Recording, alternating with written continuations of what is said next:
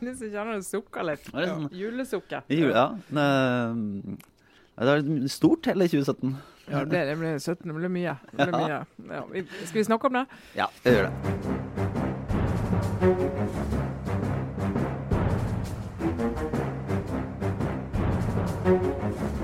Da ønsker jeg velkommen til Aftenpodden igjen, og en slags julespesial. Jeg er Lars Glomnes med politisk redaktør Trine Eilertsen. God dag, god dag og god jul. Jo, god førjulstid, alle. Mm. Ja. Og Sara Sørheim, kulturredaktør, med telefonen din. Jeg legger den bort nå. Lars. Unnskyld. Hei. Sara har telefon som, telefoncover som matcher kjolen og cardiganen i dag. Ja, og det, ikke minst det regner jeg med er helt tilfeldig. Det matcher også de blå ringene under øynene mine, faktisk.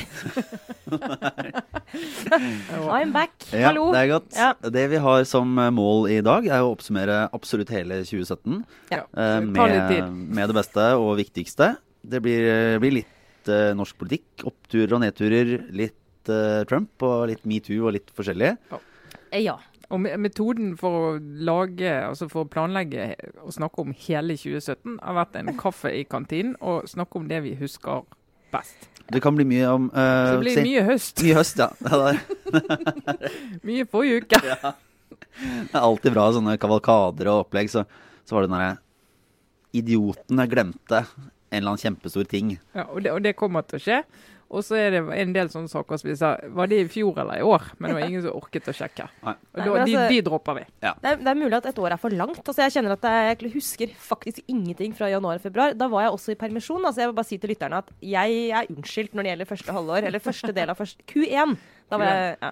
men, eh, men det kjennes som så lenge siden. Uh, mulig vi burde heller ha bare sånn kalender som varte i et halvt år.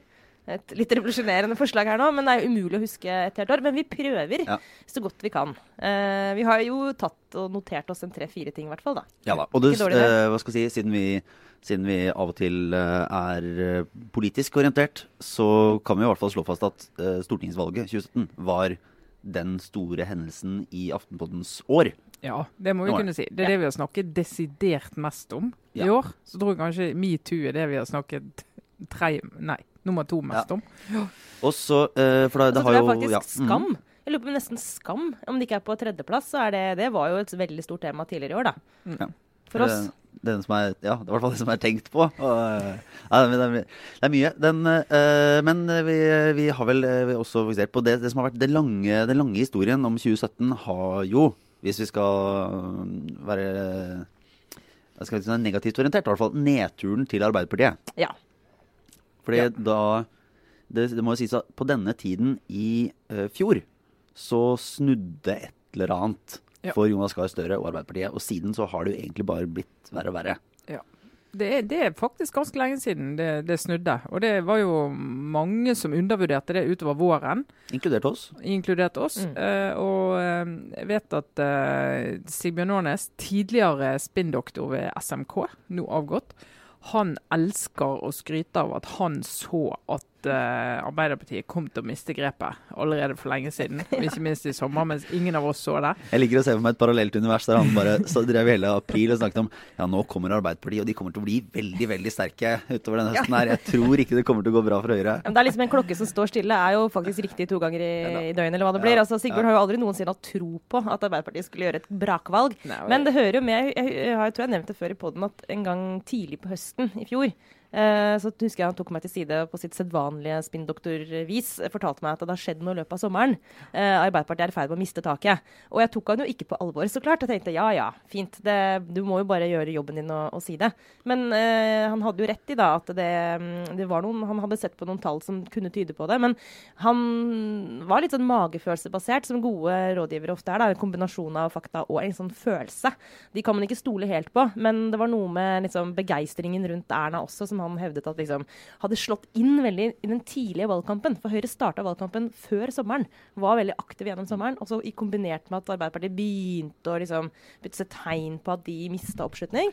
Så ble jo det ganske raskt klart for oss andre også. da. Eh, det var vel i Arendalsuka dere at det ble sånn at det kom den første målingen. Da er det veldig tydelig, men dette som Lars eh, begynte med, dette startet jo faktisk før jul. Det var vel den høyeste, Noen av de høyeste målingene var jo på slutten av 2016, og så Ja. tikket det langsomt nedover. Eh, Når de kom til landsmøtet, husker jeg, da holdt jo Jonas Gahr Støre en tale som alle bejublet, eh, inkludert eh, jeg. Skrev en kommentar om at den var helt fabelaktig. Og det var en veldig god tale. Eh, null utslag på målingene. Eh, og det var litt sånn symptom på altså, Når landsmøtet pleier ofte veldig mye oppmerksomhet rundt partiet, og liksom de første målingene etter det ble ofte veldig lite puff. Og det var jo to partier som ikke fikk det. Det var Arbeiderpartiet og Venstre. og, det, og det er jo ikke tilfeldig at det er de to partiene som det er mest verdt å bruke tid på akkurat Men den store, den store analysen og fortellingen ble jo da at uh, Arbeiderpartiet bommet på st- langsiktig strategi. Sakene i måte, var på feil sted. Uh, var på et annet sted enn der verden var. At, at arbeidsledighet, at en uh, stagnerende økonomi ikke Det traff ikke, sånn som de hadde gamblet på. Mm. Og det var årsaken. Der vi står nå, er det Altså Var den analysen riktig? Og hvor er, hva, er liksom, hva er status som politisk for Arbeiderpartiet nå? Det, altså det jeg tror en del av oss undervurderte, bl.a. vi som så på talen til Jonas på landsmøtet. veldig, vi er på en måte veldig selvkritiske her, Ja. merker jeg. Det, det er veldig flott og raust å Ja. se. Trygve Lars. Ydmyk, vi er ydmyke som bare juling. Eh, men det vi nok undervurderte. For det er litt sånn typisk, tror jeg, at eh, mange av oss i boblen da ser en sånn tale og tenker den var veldig bra, den traff sikkert godt. Og så undervurderer du at det er jo mye større ting som påvirker velgerne der ute. Altså at én tale betyr ingenting. Mm. Det er virkelig bare en dråpe. Men du, vi ser kanskje det som et symptom på at nå er Jonas eh, Gahr Støre i siget, partiet har samlet seg om et program, og liksom nå er det raka veien med Arbeiderpartiet sin valgkampmaskin. Men de hadde jo ikke Grunnfjellet med seg. De hadde ikke Grunnfjellet med seg, og det er nesten litt utrolig, for dette er jo virkelig det store folkepartiet. Mm. Som virkelig har organisasjonen Organisasjonens tentakler går over hele samfunnet, og de har ører som ligger og lytter tilbake overalt. Og så greier de ikke, og mistet det jo store deler av LO. ikke sant? Hadde jo ikke de med seg når de gikk inn i valgkamp, og ikke på valgdagen. Mm. Og det er litt det med å greie å glippe på det. Det er, det er nesten litt uh, fascinerende. Men det er jo også vanskelig å vite liksom, hva som er uh, altså, Det er helt sikkert, det er jo, er jo sammensatt, men det er noen sånne makroting her òg som har spilt inn. Altså, som du var inne på, Lars. De bomma på eh, hovedstrategien sin de, fordi de bomma på tidsånden.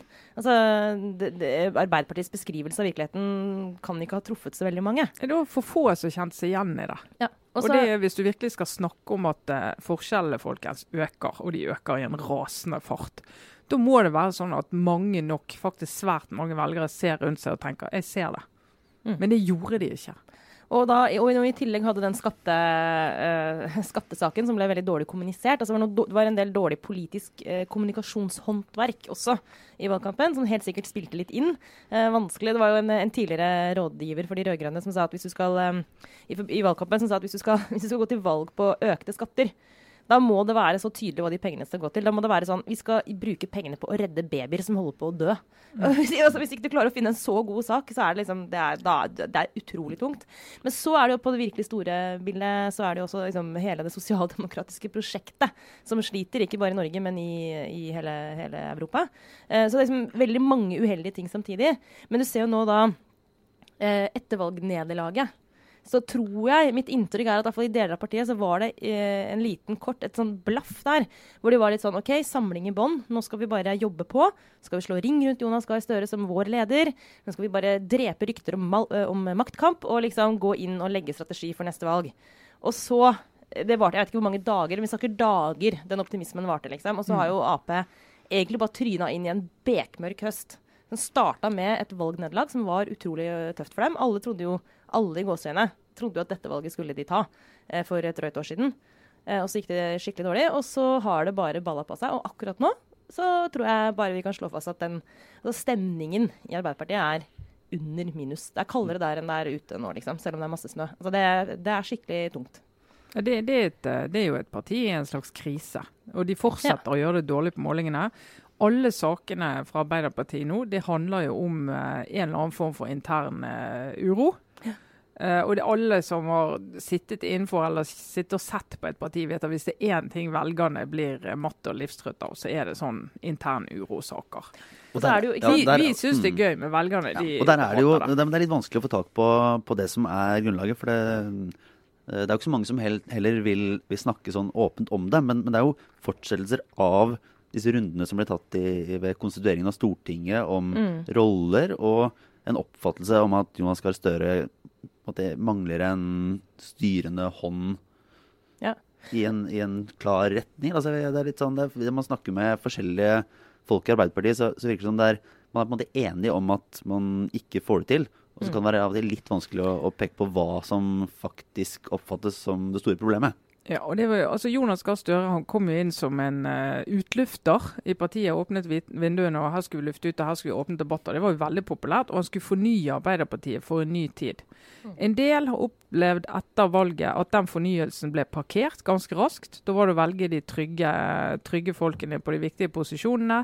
Uh, da var det å uh, gå inn i en diskusjon om eh, om eh, at Arbeiderpartiet skulle bli mer eh, hva skal jeg si, obstruerende i Stortinget, som en del i partiet heller ikke kjenner seg godt igjen i. Når Arbeiderpartiet går ut og sier en del sier vi har vært med på for mange forlik, så går det helt fint an å forklare en del av valgnederlaget med det, fordi at en del syns at de har ligget for tett på regjeringen. Men i partiets grunnsjel så er det en del av de forlikene som viser at det er et ansvarlig styringsparti. Så en del i Arbeiderpartiet tenker men hallo, Mm. vi er jo et forliksparti. Vi, Nei, har vi jo aldri, vi har aldri kunnet styre og utvikle Norge uten forlik.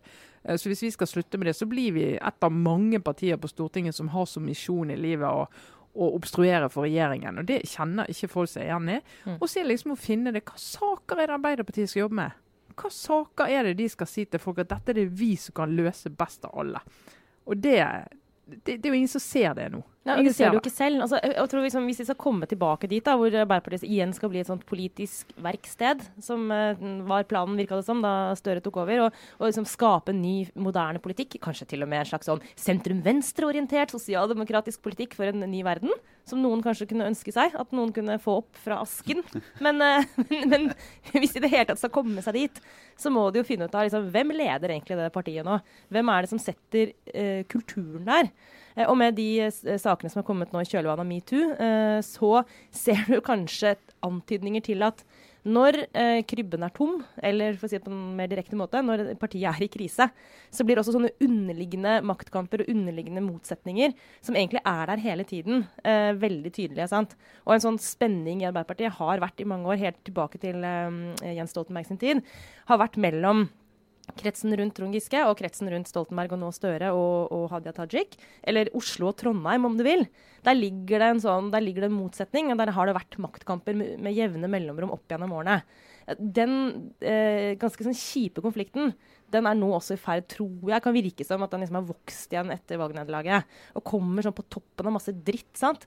Og det skaper mistillit. Og eh, hvis ikke da en tydelig leder klarer å skjære gjennom og si sånn Nå samler vi troppene, og vi skal denne veien så kan dette vare ganske lenge. Ja, og så underligger det at hvis eh, Arbeiderpartiet gjør et kjempedårlig valg i 2019, Ja. lokalvalg i 2019, da kan ikke Støre fortsette. Og så går det an å si det at ja, men både Erna og Jens Stoltenberg hadde grusomme valgnederlag før de kom igjen og ble den soleklare statsministeren. Ja. Ja, det går an, men etter sine valgnederlag eh, Altså, Jens tapte da han var i posisjon, og gikk med en gang i gang med, eller sammen med Kristian Halvorsen, og begynne å bygge et reelt alternativ til fire år etterpå. Mm. Og begynte å hente seg inn igjen ganske raskt. Og det var ingen diskusjon om han skulle være lederen. Jagland var ute av bildet, og det var han.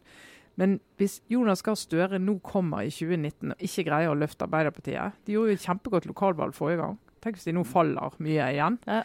Eh, og så skal de inn i et stortingsvalg to år etter det. Da får du en diskusjon, og det er det mange som sier. Da er det bare Giske som Mm. står der. Og det Og er for en del i Arbeiderpartiet så er det helt krise. Og det ligger jo under en del av denne uroen. Og det er jo liksom eh, også ja, Når jeg ser Lars prøver å liksom få oss videre her nå, men eh, det er bare å si at det er ingenting som er morsommere enn å liksom slarve i vei om eh, maktkamper i Arbeiderpartiet. Vi skal prøve å komme Ja. oss videre ut fra dette. Kan fortsette inn i 28. Men jeg har lyst til å komme med en spådom. Jeg, vet, jeg kommer jo med spådommer. Dere to er jo vise og kloke nok til å aldri gjøre det. Nei, jeg spår stadig, stadig vekk. Ja, det er sant, det. Du inngår veddemål med meg som jeg taper, og så får du ikke det du har vunnet. Det er, vårt, men- det er vårt modus. Så Men ikke sant? Ja. Eh, Trine var i ferd med å skissere noe av det som er sånn the horror, the horror for ganske mange. Som er sånn, eh, det er en slags sånn følelse bare at nå snubler vi inn i at vi får Trond Giske som partileder. Noen vil synes at det er helt fantastisk, men det er ganske sterke krefter i Arbeiderpartiet som tenker at det er det verste som kan skje. Eh, så da vet jeg jo at mange leter etter, og det har de gjort i årevis, hvem er liksom den andre? Og det er kanskje ikke sånn at Hadia Tajik er så åpenbar. Uh, så da har jeg tenkt Det eneste jeg, jeg vedder på at det blir en, hvis det blir en lederstrid nå i Arbeiderpartiet uh, Jokeren er Raymond Johansen. Altså Av og til i sånne partier, når det er lederstrid, så er det nettopp en sånn som ingen har noe verken for eller mot, som Ja. blir en sånn figur. Frem til du får en ny en som alle kan virkelig slutte seg rundt. Så det, og Raymond Johansen han, han har i hvert fall en profil som hvis du skal se på en del av kritikken mot Jonas Gahr Støre, så er ikke det en dårlig profil. Rørlegger mot uh, litt sånn eh, Ikke sant? Altså, ja, det, akkurat det er easy match. Gjemt unna et gammelt fagbrev. Ja, så går det jo relativt greit for han i Oslo akkurat nå. Så re, jeg understreker relativt, Trine. ja, men altså, han sitter fortsatt. Ja, men altså, han har ikke blitt sparka, liksom. Nei, men Arbeiderpartiet gjør det jo helt katastrofedårlig i Oslo. Det gjør det jo. Men, men. Ja. Ja, nei, men uh, Arbeiderpartiet er, det, det går kjempedårlig. det med går her. skikkelig dårlig med det. Ja. Så det må de bare si. I Oslo og i Norge. De må rett og slett uh, her er, og, og tro at de kan bare lunte videre i samme takt. Lykke til. Nei, jeg har lyst til å være helt direkte og si at Jonas Gahr Støre må nå vise seg som en partileder. Det er det han må. Nå må han, det må han, og det kan godt hende han får til det. Eh, Men hvis ikke, så er det fucka. For han.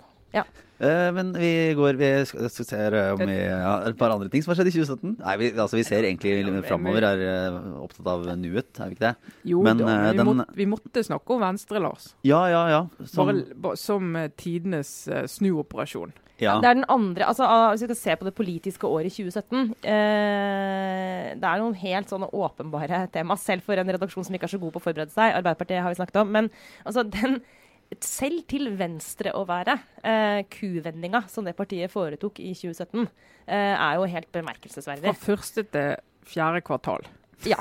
Fra, fra rett og slett Q1 til Q4 eh, gikk partiet fra eh, Klarte vi å huske formuleringen som, Vi, som vi skal presse Frp ut av regjering. Jeg tror det var omtrent det, det? Trine Skei Grande sa eh, dagen før landsmøtet i Venstre begynte. Ja. Eh, det, det tok jo ikke så lang tid før hun snudde på akkurat den, da.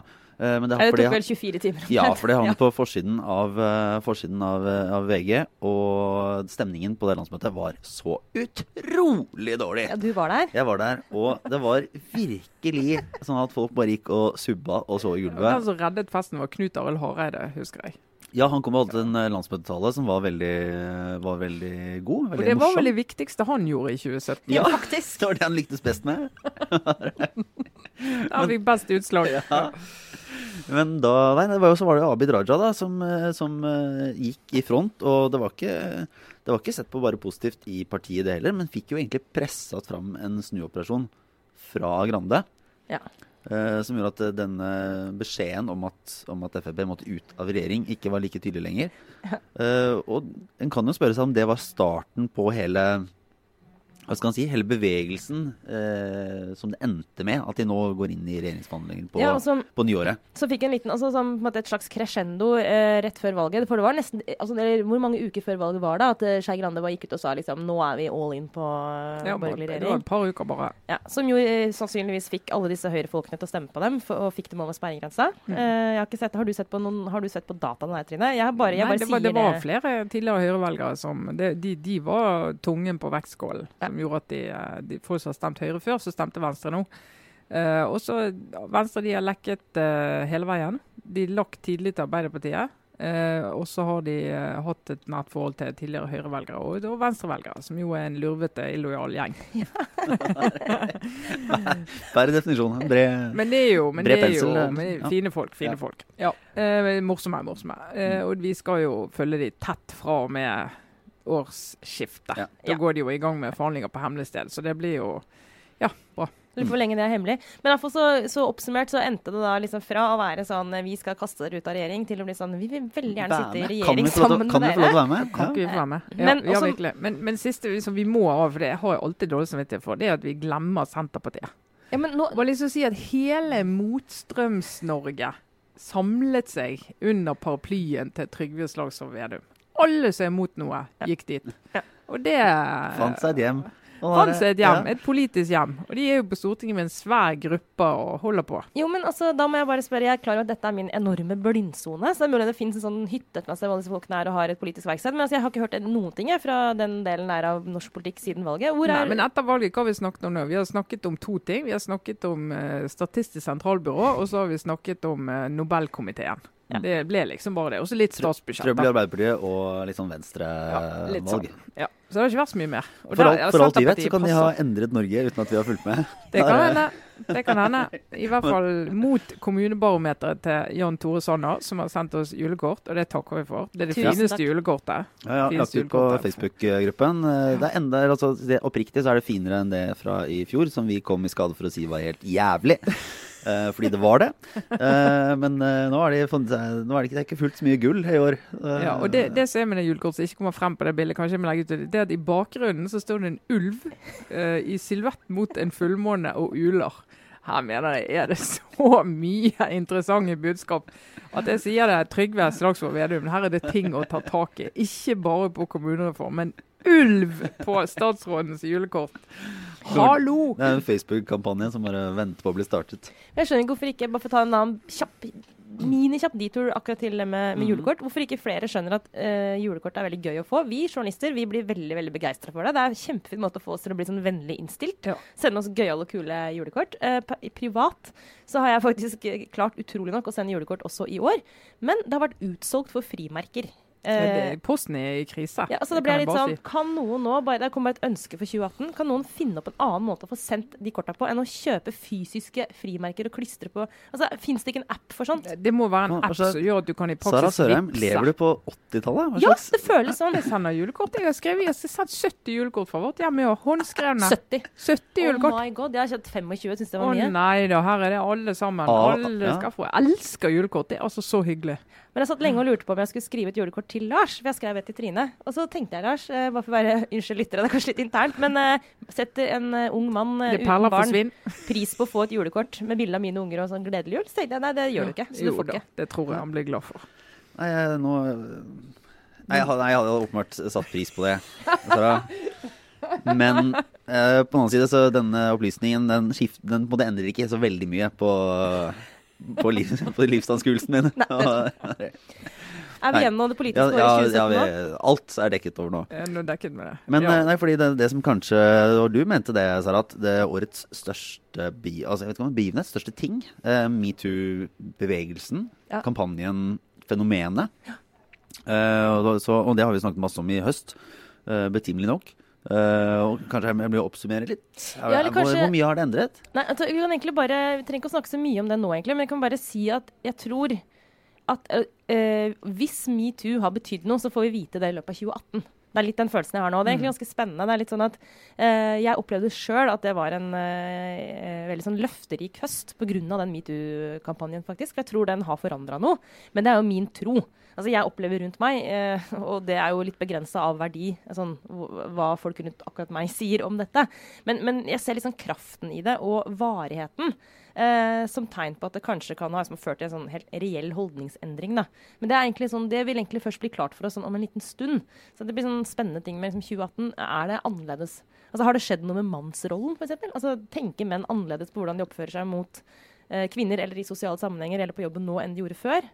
Eh, det er sånn, det er sånn genuint spent på, kjenner jeg. Sånn der, har tidsånden bevega seg? Det har jo vir- jeg tror det, men man vet ikke. Altså, det har dominert så mye sosialt og, og spalteplassmessig de siste månedene at eh, man må jo virkelig håpe og tro at det har en, eh, en påvirkning. For ellers så Ja, da er det ikke mye Da skriver vi mye så, uten at det Uten at det har effekt. Jeg, effekt. jeg har ikke vært tror jeg, i en sosial sammenheng så, hvor folk har sittet rundt et bord sammen hvor ikke det var tema siden Mm. oktober. Altså, Alle har snakket om det. Og da har det vært hele gang at folk har fortalt om ting de har opplevd, ting de har sett på jobben, hørt om på jobben, til de som aldri har hørt om eller sett eller noen ting. Og disse her har gjerne kollidert og snakket om er det viktig, er det ikke viktig. Men du får en diskusjon som er det er bevisstgjørende. Mm. Utrolig bevisstgjørende. Og noe av det mest sånn eh, som gjør at jeg er ganske sikker på at det får effekt, er jo at du hører toppledere i norsk næringsliv og møter dem, og de, snakker, de snakker om det uoppfordret og sier at det her er, jeg er litt sånn er- jeg, jeg skjønte ikke omfanget. Jeg skjønte ikke hvor stort problemet var. Jeg trodde vi hadde kontroll på det. Mm. Og så begynner du å få en del sånn gode diskusjoner internt i bedrifter, og helt sikkert i politikken òg. Ser vi allerede eh, hvor går grensene, hvor er gråsonene, hva er greit, hva er ikke greit. Og der er det mange spørsmål som ikke er stilt ennå. Så er det veldig, veldig sånn, tydelig generasjonsskille på sånne er det typisk uh, litt eldre menn som kommer med den, der- den tørre metoo-vitsen. Ja, Er det lov å gi deg en klem nå, eller? Ja. Eller kanskje jeg skal holde meg unna? Ja, den Uh... Bare, en, et sånn et sosialt skille. Den, uh... Det hørte Siv Jensen så på Politisk kvarter i dag, at det måtte ikke bli sånn nå at vi blir redd for å gi hverandre en klem. Å, herregud. Så tenkte jeg, ja, er vi, hvem er det? Hvis du er redd for å gi noen en klem, da er det én grunn til det. Det er det at du vet at jeg klarer ikke å klemme noen uten å knipe dem i ræven. Og hvis du ikke klarer det, ja, så syns jeg du skal være redd for å gi noen en klem. Da, må du la det være. Men hvis du vet at gi, at du bare gir noen en klem og gir dem en klem, så er det ikke noe å tenke på. Dette, er, dette har jeg sagt i hele høst, dette er ikke vanskelig. Nei, det er ikke vanskelig. Og det som blir stående igjen eh, eh, foreløpig, syns jeg, som det sterkeste, det, som, det mest effektfulle og det viktigste med metoo, er egentlig de historiene som ble fortalt. Eh, jeg leste noen av dem om igjen nå, og de gjør fortsatt veldig sterkt inntrykk. Og de står. Eh, vi skal prøve å få samla dem på aftenposten.no og få, liksom, lagt det ut et sted. og Så kan man liksom minne seg selv på det. Men det at de kom fram i all sin variasjon, eh, og egentlig grusomhet, men også sånn i, eh, i en sånn anonym setting, da, som jeg tror funka denne gangen. Og vi fikk ikke sånn gapestokk-greie her i Norge, og det var bra. Så det tror jeg sånn, det har forandra noe. Eh, vi kan være litt sånn fornøyde egentlig med at enn så lenge så har ikke denne diskusjonen blitt ja. stygg. Nei, altså, I Sverige har det jo Sverige er jo ekstremitetenes land. Vårt, et av våre favorittland. Ja, vi har snakka for lite om Sverige i 2017. for lite, ja, det Ja. jeg. Det må vi ta sjølkritikk på. Vi må ta det opp igjen neste år. 2018, et, et større år for Sverige i Ja, Definitivt. Har i hvert fall en månedlig Sverigespalte. Det er det helt klart rom for. Men de, der er det jo de mest ekstreme, den mest ekstreme metoo-debatten, i hvert fall i vår geografi, foregår der. Outing, sosiale medier, i store mediene. I Aftonbladet er det fullstendig krise. Sjefredaktøren er sykmeldt pga. den interne metoo-diskusjonen og problematikken. Uh, og der har du der du har gått helt i andre ytterlighet når du da skal svare på dette. Da innfører regjeringen en samtykkelov. Ja. Som er den loven om at du skal aktivt gi samtykke for å, å sikre at uh, seksuelt samkvem er frivillig, Ja. som det skal være. Da kjenner til og med jeg, som kan ha litt mer enn deg, Trine, sånn hang til eh, lover og regler. Sånn, kan vi ikke bare finne en lov som kan regulere dette? Du er jo en sosialist i hjertet. jeg, kjemper hardt mot, men, eh, men når alt kommer til alt, så faller jeg for sånn Det er jo deilig å tenke så jeg har jo rett, så hvorfor kan ikke vi bare tvinge alle andre til å gjøre det som jeg mener? Ja. Ja, men innimellom blir det sånn, Kan ikke noen bare komme og rydde opp her? Bare lager vi en måte å gjøre det på, så får alle Lager følge en den. lov. Ikke Ja. sant? Men selv jeg, da. Jeg mener faktisk at den grensen går eh, ganske lenge før Ja. hvordan to mennesker, eller eventuelt flere, hvis, hvis man er her av den typen, hvordan man finner ut av akkurat liksom, de greiene der.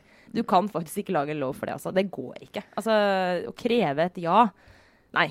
Det Nei, altså, er jeg, jeg, eh, Noen lover virker holdningsskapende. eh, og det er derfor det er en av hovedbegrunnelsene for at de finnes. Men eh, den, denne loven vil ikke virke holdningsskapende. For de som vet det, og det store flertallet av menn, de vet jo hvor grensen går. Ja. Det ville være helt utenkelig for en normal norsk mann å bli avvist, og så bare kjøre på. Ja. Det er helt utenkelig.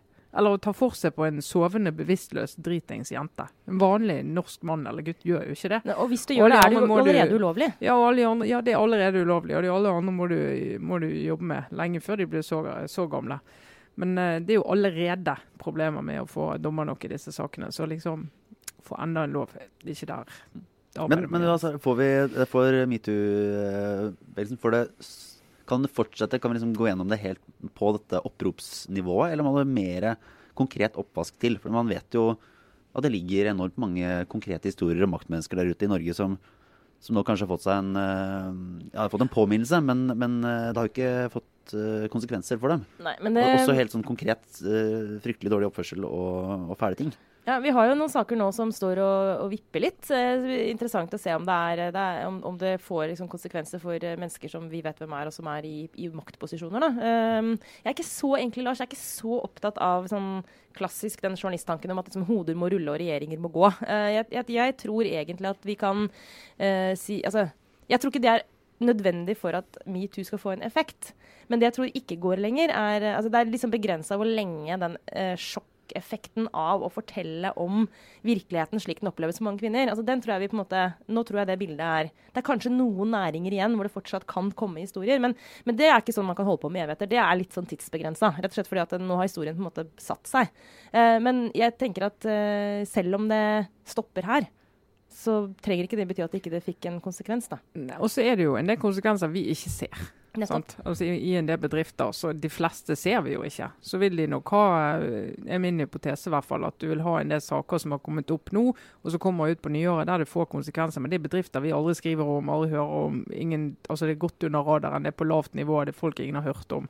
Altså hvor du kan, vil få flere reaksjoner. Som er interessant hvis vi på en eller annen måte kunne undersøke om et år hvordan det gikk. Om Mm. det har uh, fått eh, større konsekvens som ikke vi har sett. Erna Solberg snakket om i går på sin oppsummerende pressekonferanse at uh, i Høyre finnes det folk som har fått stoppet karrieren sin i partiet pga. Uh, denne typen uh, problematikk. Mm. Og det Vi vet jo ikke hvem det er, eller når det var, eller Men eh, jeg tror det finnes en del som går under radaren. Ja, og jeg tror det er helt det, det, Ting tyder på at det er all grunn til å tro altså Det stemmer nok, det. eh, At det, det sånne ting foregår. At det er mennesker som har fått, eh, fått inn historier hvor det bare Konsekvensen er at eh, vedkommende ikke lenger skal fortsette med politikk. Eh, og så hører du med til sånne saker at de ikke egentlig skal ut i offentligheten. Det er helt greit, det. Altså, det ikke, selv vi som jobber med Jobben vår er å få ting ut i offentligheten. Men jeg, jeg aksepterer jo at noen sånne saker er best egnet til å bli ordna opp i. Men det jeg ikke aksepterer, er jo at sånne saker ikke blir tatt tak i. Det er det, og det er jo egentlig det dette har handlet om hele veien. Det er jo, Når vi snakker om metoo på arbeidsplassen, så handler det jo om hvorvidt man som ledelse Og apropos Vi har snakket om sånn, vi snakket om Arbeiderpartiet i stad. Altså, hvilken kultur skaper man som, en, som ledelse? Altså, hva, hvilken kultur setter man, og hva gjør man når sånne saker dukker opp? Det er jo det som er liksom den store Men det ligger jo, Forskjellen. sånn, litt om vi skal være litt på journalistikken, så ligger det jo journalistikkens natur da, som en, en maktfaktor i samfunnet, og som en pådriver for åpenhet. At man ikke kan gå og så bare stole på at ja, nå har kulturen blitt litt bedre, og mange bedrifter kommer sikkert til å ta hånd om dette. Det, det er sånn, Men er det litt for passivt, mener du? ja, det mener jeg er altfor passivt. For vi må jo inn i disse prosessene og dokumentere at det skjer, da, tenker jeg. Og så Ja, så må man jo ta, må ta selvfølgelig skal hensyn til Ja. altså personvern og veldig mange sånne ting.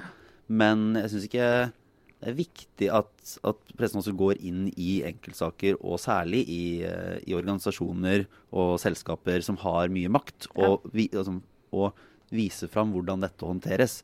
Eh, For det gir jo muligheten da til å ha en offentlig debatt om ja, er den håndteringa nå sånn at, eh, at folk blir på en måte, tuppa ut uten at man vet om det faktisk ligger noe der, eller er det sånn at folk slipper unna med mye mer enn det de bør? Uh, ligger man på et nivå der noen får sparken for, en, altså for noe som andre steder er helt akseptabelt? Hvor er det vi vil at de grensene skal gå? Hvis ikke det konkretiseres, og vi bare tar det på et sånt Ja. uh, samfunnsmessig liksom, bedre forståelsesnivå, og bedriftene tar sikkert hensyn til det, så altså, blir jo dette like, mm, like lite Ja. gjennomsiktig som det har vært. da. Jo, men, jeg- jo, men jeg- Ja. Jeg skjønner hva du mener, men samtidig så tror jeg vi Jeg tror helt seriøst at vi i pressen kan få litt sånn der Litt sånn uh, blodtåkegreie på at vi liksom ikke mener at en sak har hatt betydning før vi liksom kan krysse av en skalp, da, i form av at uh, vi kan se en reell konsekvens. Men holdningsendringer og kulturendringer og sånn er jo nettopp utfordrende fordi de ikke helt åp altså Man får ikke en sånn helt åpenbar um, uh, effekt. Eh, Men ting kan være grunnleggende forandra likevel. Altså, du nevnte i stad liksom, distriktsopprøret. eh, type, eh, en sånn grunnleggende mistillit mot eliten. Som, det åpenbart, som åpenbart fins i Norge. Det tar dødslang tid før vi, i hvert fall jeg, da, liksom, klarer å se det. Det er typisk sånn holdningsendring eller kultur som har liksom, brukt mye tid på å oppstå, men som er helt reell. Det er en kraft i det norske samfunnet. Det er bare utrolig vanskelig å få tak på den. Ja, men, her- jo, Sånne men her, er her liksom- dreier det seg om, om konkrete, altså på grensen til forbrytelser. Altså det er jo hendelser og folk som måte, i alle Det blir virkelig sånn at eliten passer litt på sine egne. Da, hvis det er sånn at ledere og, og topper i, Mm. i samfunnet og næringslivet skal, skal bare Ok, du bare tar denne generelle advarselen. Ja, men det er en viktig forskjell, Lars. For eh, Hvis det er topper i en stor bedrift, i politikken, i en parti, i en organisasjon, altså folk som liksom har mye makt, og det er jo akkurat som med alle andre hva skal jeg si, forseelser, kriminalitet, overtramp, så identifiserer vi f.eks. ofte folk som har en veldig mektig posisjon eller en viktig tillitsverv. Identifiserer vi når vi omtaler saken. Men vi ville jo aldri gjort det med en på nivå lenger nede. og Det, er jo, det ligger i sakens natur at det er mange flere saker på lavere nivå enn på toppnivå, må vi kunne tro, for det er mange færre der oppe. Eh, Men hvis den saken kommer, og de sakene kommer, så må jo vi skrive om det og forfølge det og se om det får konsekvenser. Jeg er helt enig med deg. Ja, ja. ja, Ja. men det, der, det, er ligger ikke sånn at hvis de sakene kommer, for at de sakene er jo der ute. Så Jo. bare litt på at det både som, eh, både som vi i Aftenposten og, og andre medier må jo på en måte må jobbe for, at, for å finne de konkrete historiene som fins. At, at det ikke helt slår oss til ro med at det er en bevegelse og en, at eh, samfunnets eh, rolige kvern på en måte bare gir oss litt bedre, litt bedre land Ja. år for år. Jeg er enig, jeg er enig i det. Altså, poenget mitt var egentlig at uh, det er ikke sånn at metoo ikke er vellykket hvis ikke de sakene kommer. Men jeg er jo enig med deg at ideelt sett nå, så bør vi liksom altså det, altså, Vi må ikke slutte å vi, vi må ikke si oss fornøyd med, som du sier, Lars, at det, ja, nå går det sikkert bra. Altså, vi må jo jakte og inn der og prøve å avdekke særlig eksempler på, som Trine var inne på, eh, maktmennesker som, som misbruker makten sin, og som får gjøre det uten at det får konsekvenser. Det er jo et av våre Ja, hovedoppdrag og så må vi, skal vi fortsette å forfølge kulturer. Jeg syns jo det var tankevekkende det oppropet vi hadde fra fagbevegelsen, der flere av de kvinnene forteller at de av alle blir så hardt presset for å ikke fortelle om dette. Og gå ut med det offentlige og delta i et opprop. Og, og det de historiene de forteller om i den bevegelsen som skal sikre at hver enkelt har støtte i ryggen og blir tatt hånd om på arbeidsplassen.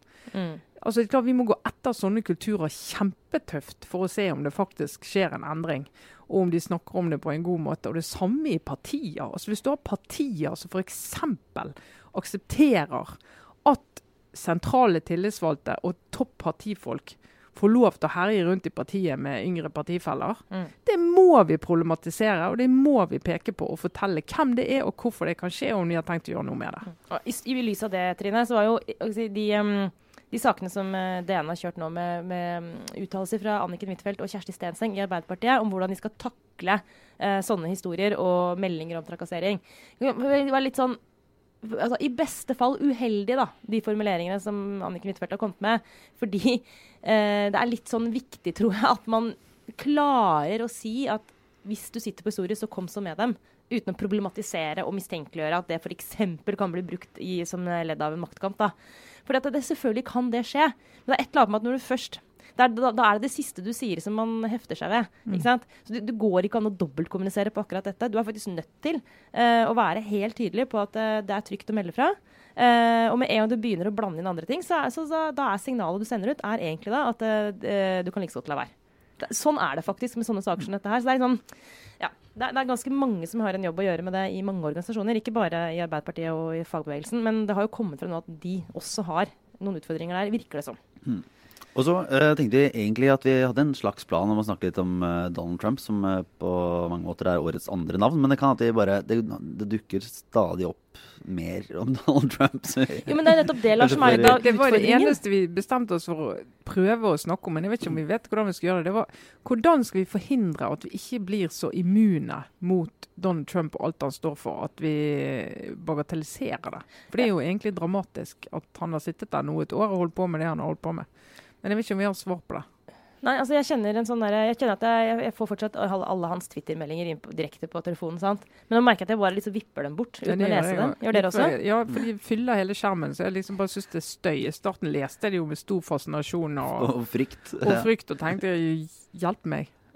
Men det, ja. Men husker jeg tenkte ved inngangen til 2017 at eh, OK, han ble valgt, men eh, sitter han ut året? Kommer det en eller annen sånn fin... Altså, det var veldig mye snakk om liksom, hva, hvilke hjemler man hadde i lovverket for å kunne avsette han. Hva heter disse her eh, Det er sånne supima eller Impeachment og sånn. impeachment og sånne ting som jeg bare hører på sånne amerikanske blogger, så jeg ikke helt Nei, eh, podder. Så jeg ikke helt vet hva er for noe. Men uh, uansett, da, det var mye spekulasjon rundt det. Det har liksom blitt borte nå. tror Jeg må liksom bare Jeg, jeg havna litt i den der eh, Må bare vente, bare la, la det gå over. Akkurat som når sønnen min er våken sånn fire timer om natta. Jeg tenker sånn, Det er bare en fase. Det er bare en fase. Bare vent, det går over. Ja, Jeg har litt problemet er samme hvis han blir gjenvalgt om tre år, og Ja. det er jo en del som mener det er veldig sannsynlig. Så det kan vi prøve å gå litt inn på på nyåret. Ja, Ja, okay. Lekse til oss selv i 2018, eller til meg selv i hvert fall. Hold den råken åpen. Ikke bli en sånn person som tenker sånn ja ja, det går over. For at det, eh, når man har sånne politiske ledere, så må man kjempe mot det. Man må faktisk gjøre det. Det må man bare ikke glemme. Takk. Men eh, vi eh, har litt eh, obligatorisk refleksjon inn på tampen av året. Vi, vi har vel kanskje ikke noe veldig gode, men ubekreftede rykter og Dessverre, kan jeg bare si, De ryktene vi har, de er sykt gode, men de kan vi ikke snakke om. Nei.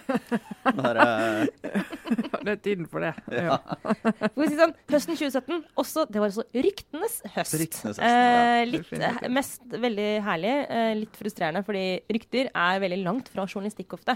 Eh, fordi samt- de rett og slett ikke lar seg bekrefte. Samtidig som det er det som ligger hjertet vårt aller, aller nærmest. Men vi lover at våre lyttere dere er, dere- det er, altså, Med en gang et rykte nærmer seg, bare i nærheten av å kunne publisere, så skal dere få vite det først.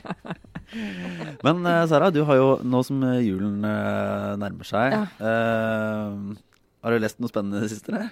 Nei, nå, etter, nå vet jeg ikke hva du sikter til engang. Oh, ja. Det er så trøtt at jeg bare kjenner at Er det det, er det du kanskje du tenker på? Altså, jeg Helt ærlig. Være eh, i arbeid og ha to bitte små barn og, og sånn førjulsstri, det er egentlig ikke mulig. Altså, det jukser til absolutt alt. Jukser til Du, eh, fortsatt, du får fortsatt uh, skvisa inn noen timer med fotballfrue om dagen. Å, nå! Tusen takk, Lars. Hjernen min går ganske sakte, det må jeg bare si. Men eh, ja, det jeg alltid får prioritert, det er jo ei lita tur innom mine favorittblogger. Og Nå ser jeg at vi nesten er ferdig, så jeg, har, jeg får spare den planlagte uh, lappen min hvor det står sånn 'Oppsummering av bloggåret 2017'. Men, men du må fortelle om juleblogg. Ja. Bonanza. Det, jeg har jo min egen jeg har en gruppe på Facebook hvor jeg har fordelt veldig mye sånn fascinasjon om bloggere. Så jeg sparer jo dere to og våre lyttere eh, for ganske mye av det som går og surrer rundt oppi her. Men, men innimellom når jeg deler litt, så ser jeg at dere blir helt sånn Hva? Eh, fordi det er så sykt. Altså, den verdenen er så syk.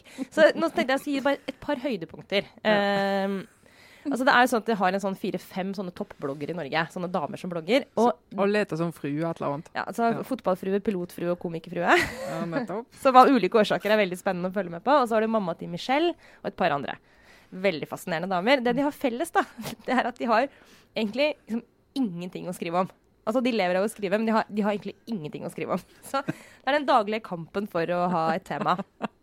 Pilotfrue driver nå med prøverørsforsøk, så hun har det, da. Eh, men dessverre har hun og mannen bestemt seg for å ikke dele så veldig mye akkurat nå, hvordan det går med det prøverørsforsøket. Så hun skriver sånne stadige sånne oppdateringer på at jeg håper dere forstår at vi ikke har tenkt å dele så mye, men vi har bestemt oss for å begynne å dele nå. Dvs. Si, i løpet av uka. Så nå er det veldig sånn spennende da, om, om hvordan det har gått for noen av oss. Men uansett, det jeg skulle fortelle, var da Det de har felles, det er at når det nærmer seg jul Det er en gave til de. Altså, Det er Guds gave til bloggerne, for da har de endelig et tema. Så 1. desember er jo alle juletrær i bloggverden pynta med sykt mye julepynt. Eh, og juleforberedelsen er i gang, og ungene blir jo da sendt fram som reklameplakater med diverse juleklær og julehygge.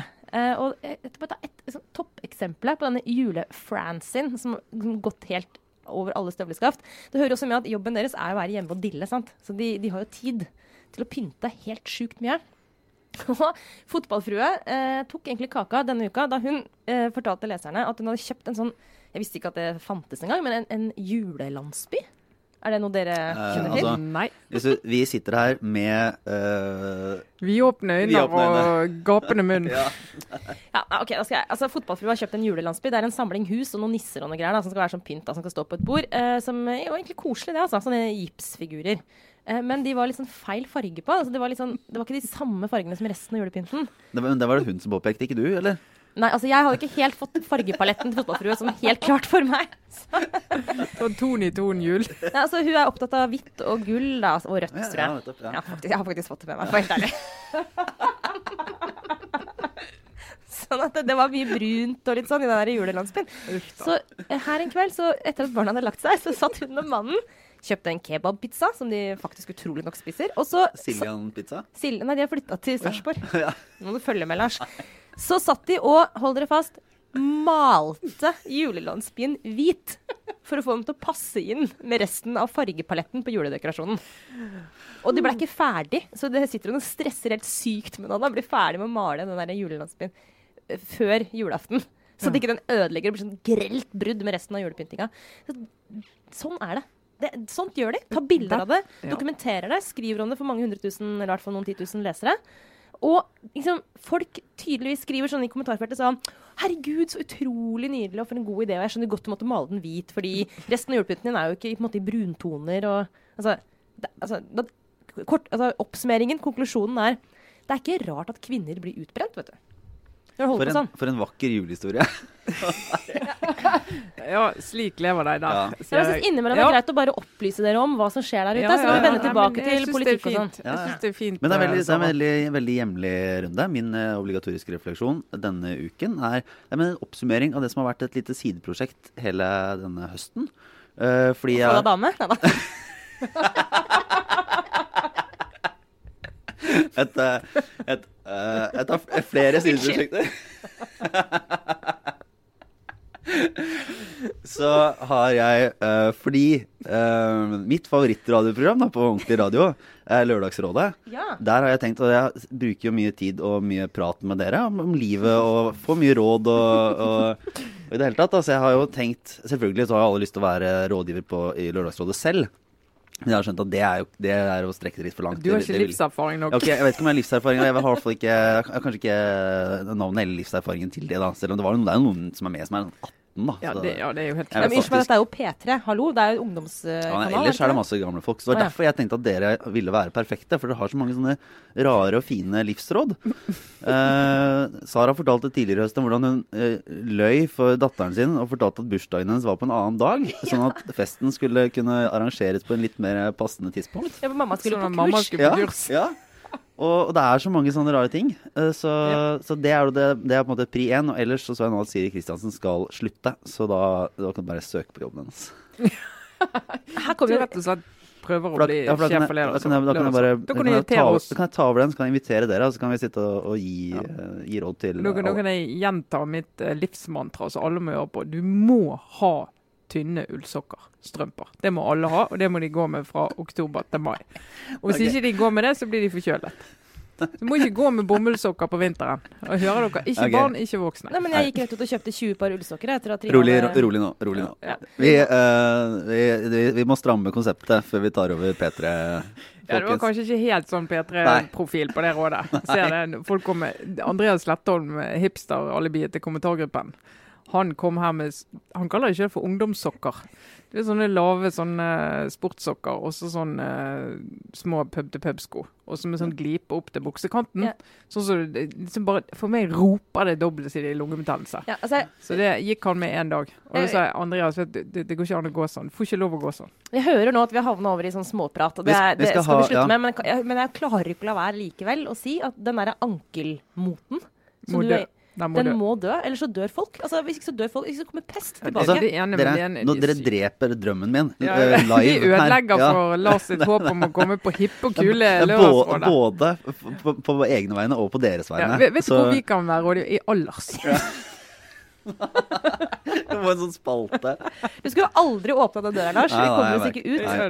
Det var, Nei, eh, men, var galt. Men, Men, eh, siden du- vi er ja. inne på det, da. Så Ja. min, eh, vi startet jo desember og gikk hardt ut og fortalte om uh, julekalenderambisjonene. Ja. Fra uh, legokalender på tilbud til pakkekalender. Ja. Liksom debuterte som pakkekalender og mamma.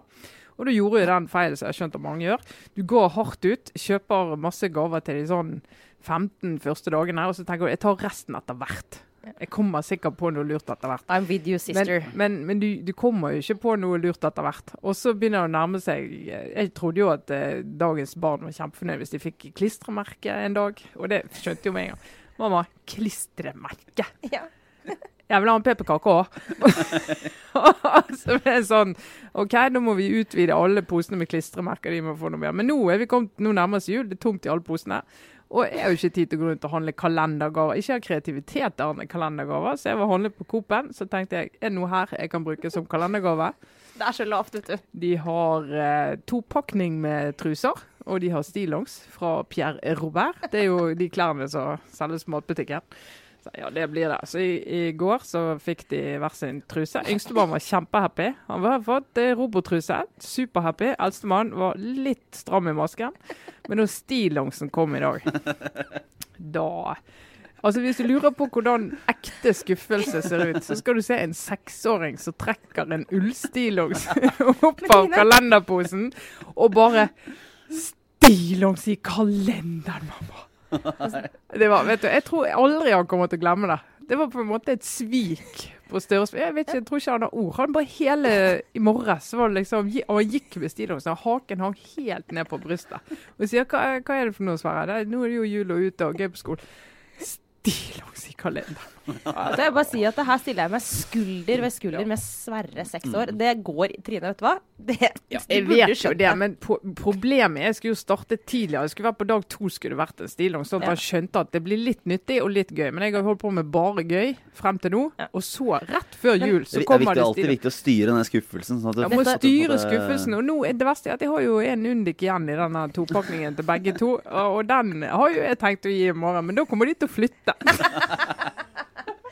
Dette heter heter, dette har vi lært på lederkurs, heter forventningsavklaring. Det må Ja, gjøres tidlig. den er helt på jordet. Uh, nå, men nå tror jeg at vi tror jeg, at vi, at vi nærmer oss nærmer oss jul. Ja, Skal vi rett og slett ta oss litt juleferie nå? Jeg Ja. tror det kan passe. Ja. Ah, nei. Men uh, nei, vi, vi takker for, for denne gang. Vi er tilbake. Vi har tatt en liten juleferie. Ja.